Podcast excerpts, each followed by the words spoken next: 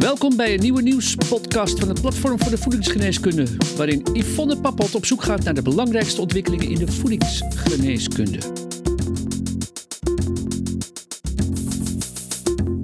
Hallo luisteraars, welkom weer bij de wekelijkse nieuwspodcast van Voedingsgeneeskunde. Met deze podcast willen we jou inspireren over de rol van leefstijl, voeding en specifieke nutriënten in relatie tot gezondheid en ziekte. Ik ben Yvonne Pappot en vandaag ga ik met Andrea van Vuren in gesprek over het vetgebruik in de keuken. Welkom Andrea. Dankjewel Yvonne. Olijfolie, roomboter, kokosolie. De keuze is groot in het vetschap. Net zo groot als de discussie welk soort vet of olie het meest geschikt en gezond is om je eten in te bereiden. Wat voor bakvet is nu gezonder? En welke kun je juist beter niet gebruiken om je eten te bereiden? Andrea, een leuk onderwerp voor deze week. Ik noemde al een aantal soorten vet en die kunnen we weer onderscheiden in verzadigd en onverzadigd. En men zegt ook dat transvetten ongezond zijn. Kun jij kort uitleggen welke soorten vetten we kunnen onderscheiden? Ik ga het proberen. Je noemde ze al, hè, de verzadigde vetten. Uh, ik houd altijd uh, het ezelsbruggetje. Uh, de verzadigde zijn, eh, zijn, vaak, of producten met veel verzadigde vetzuren, zijn vast bij kamertemperatuur. Worden vooral gevonden in eh, dierlijke producten, zoals boter, kaas, room, vlees. En ze worden geassocieerd met een verhoogd risico op hartziekten. En op de, over dat thema tuimelen de wetenschappers een beetje over elkaar heen. Want er is heel veel discussie over de schadelijkheid van uh, verzadigde vetten voor de gezondheid. Sommige studies tonen aan dat het ongezond is en cholesterol verhoogt en de kans op en vaatziekten verhoogt. En andere uh, wetenschappelijke studies tonen aan dat dat misschien helemaal niet zo is. En misschien komt dat wel omdat het niet alleen gaat om de inname van verzadigde vetten die uh, van invloed zijn op de gezondheid van je hart bijvoorbeeld, maar ook allerlei andere factoren zoals de inname van vezels, uh, eten van groente en fruit, lichaamsbeweging, of je wel of niet rookt. En er schijnt ook verschil te zitten, of er zit verschil in de soort verzadigde vetzuren. Verzadigde vetzuren in melk lijken minder schadelijk dan verzadigde vetzuren in bijvoorbeeld rood vlees. En verzadigde vetzuren in kokos lijken ook minder schadelijk dan verzadigde vetzuren in rood vlees. Dus het is allemaal niet zo heel erg eenvoudig. Maar over het algemeen zie je de aanbeveling om de inname van verzadigde vetten te beperken. En in plaats daarvoor te kiezen voor onverzadigde vetzuren. Zoals die voorkomen bijvoorbeeld in noten en zaden en in vis. Oké. Nou, dat waren de verzadigden. En dan? Ja, altijd lastig voor mij om het kort te houden. de, omdat alles nuances heeft. Hè? Dat is vaak, uh, het is allemaal niet zo zwart-wit helaas. Dat gaat sneller. Onverzadigde vetzuren, dat zijn vetten die voornamelijk worden gevonden in plantaardige oliën, zoals olijfolie, zonnebloemolie, koolzaadolie, maiskiemolie. En die zijn vloeibaar bij kamertemperatuur. En die worden weer in verband gebracht met een verlaagd risico op bijvoorbeeld hart- en vaatziekten. En dan, die kun je dan weer indelen in omega-3 en omega-6 vetzuren. En dan hebben we de transvetten. Vaak wordt gedacht dat die ook thuis uh, ontstaan bij bakken en braden, maar transvetzuren ontstaan uitsluitend in de fabriek bij het harde van vetten. Dus dan worden vloeibare vetten uit planten, bijvoorbeeld sojaolie, of de meervoudige onverzadigde vetzuren uit sojaolie bijvoorbeeld, uit plantenolie, worden omgevormd in verzadigde vetzuren, waardoor ze hard zijn bij kamertemperatuur. En dat zijn goedkope oliën die dan gebruikt worden voor het maken van bijvoorbeeld koekjes.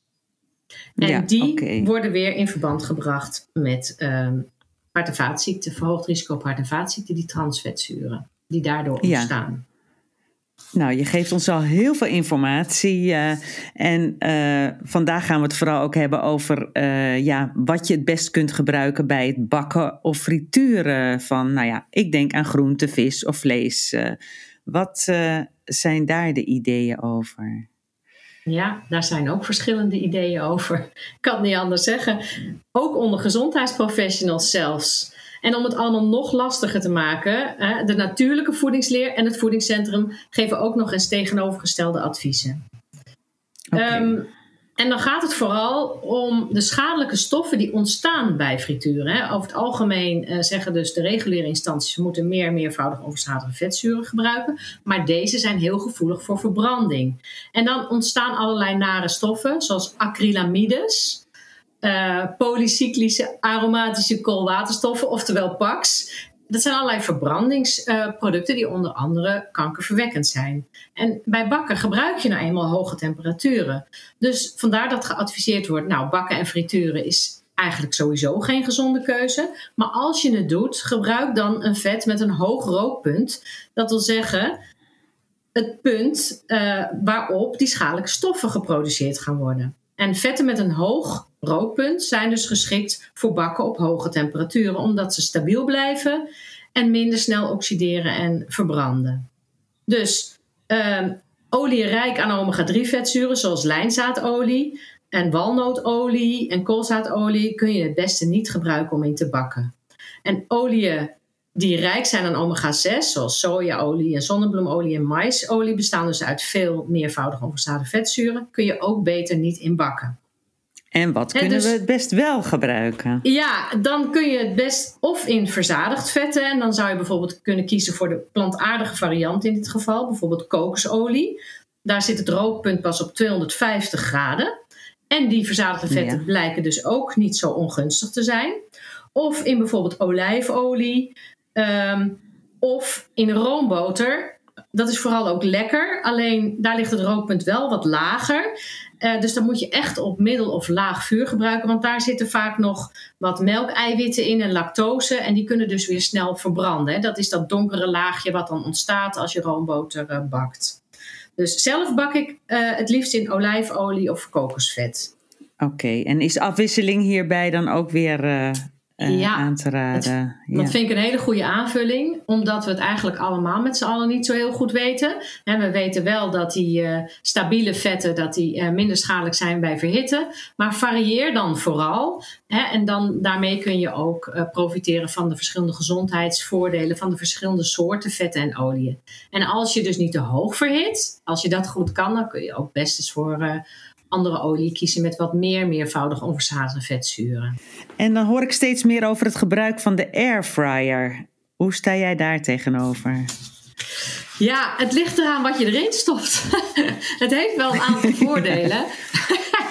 Kijk, als je er frikandellen en kroketten en zo uh, en veel friet in stopt. Het is wel zo dat het wat minder calorieën heeft, omdat het is eigenlijk een soort hete luchtfriteuse. Je gebruikt geen vet. De temperaturen worden ook minder hoog, hè, tussen de 150 en de 200 graden. Dus minder kans op verbranding en ontstaan van allerlei schadelijke stoffen. Um, en het is vooral ook heel gemakkelijk. Hè. Hij is snel opgewarmd, snel klaar voor gebruik. Je hoeft niet zo'n vieze frituurpan schoon te maken.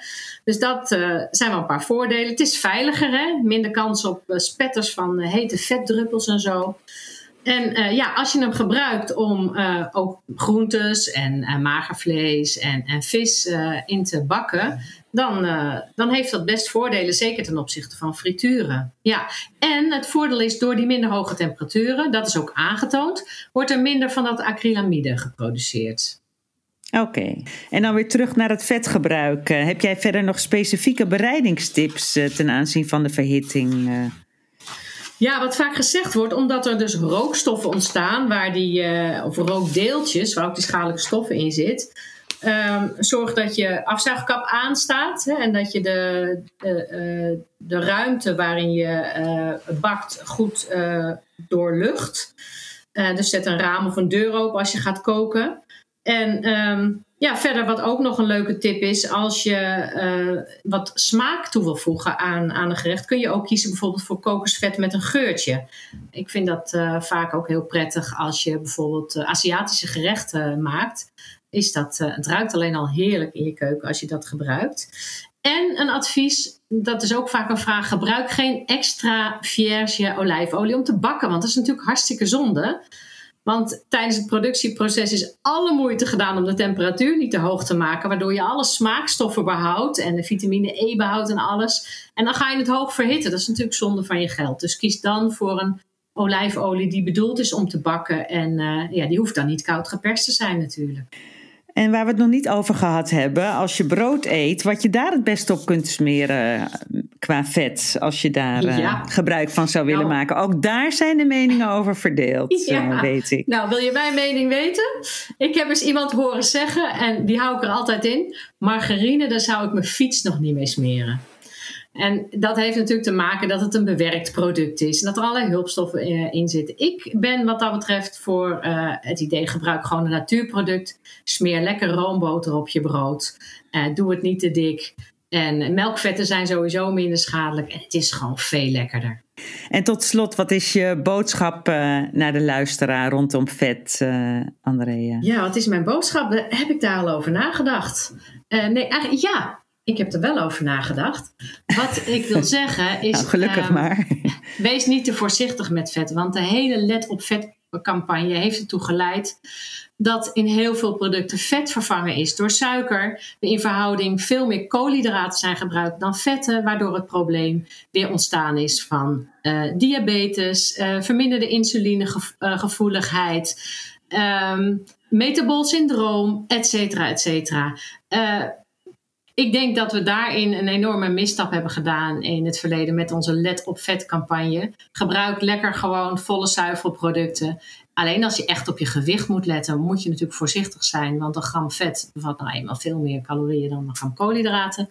Maar ehm, wees niet te spastisch met het gebruik van vet. Dat is eigenlijk mijn boodschap. Ja, en dan zo eh, kwalitatief hoogwaardige vetten gebruiken. Dat is waar we het natuurlijk ook over gehad hebben. Ja, absoluut. Wat is jouw woord van de week, eh, Andrea? Olijfolie. Want olijfolie heeft eh, eh, ook nog heel veel gezondheidsvoordelen. Ehm, dus niet alleen de, want ik heb het nog niet gehad over de enkelvoudige onverzadigde vetzuren. En die hebben ook meer gezondheidsvoordelen dan we denken. Maar daar moeten we het maar een andere keer over hebben. Dat vind ik een goed voorstel. Nou, dan denk ik aan Italië eh, als woord van de week. Eh, bedankt eh, voor dit gesprek weer. Ja, echt een leuk praktisch onderwerp ook. Daar kunnen we, kunnen we er nog meer van bedenken. Ja, over vetten in zijn algemeenheid is regelmatig aandacht besteed, ook in voedingsgeneeskunde. Maar er is over de bereiding een, een mooie editorial verschenen. Die is gratis ook te lezen via de website. Nou, luisteraars, weer bedankt voor de aandacht. En volgende week is er weer een nieuwspodcast. Graag tot dan. Via vakblad, website, podcasts en een jaarlijks congres biedt voedingsgeneeskunde al meer dan 20 jaar professionele en wetenschappelijk onderbouwde kennis. Gratis voor niets, het laatste nieuws in je inbox. Schrijf je dan in voor de wekelijkse nieuwsbrief op www.voedingsgeneeskunde.nl. Redactie en productie Yvonne Papot. Techniek Sjoerd Kaandorp. Voedingsgeneeskunde is een project van uitgeverij Media Medica.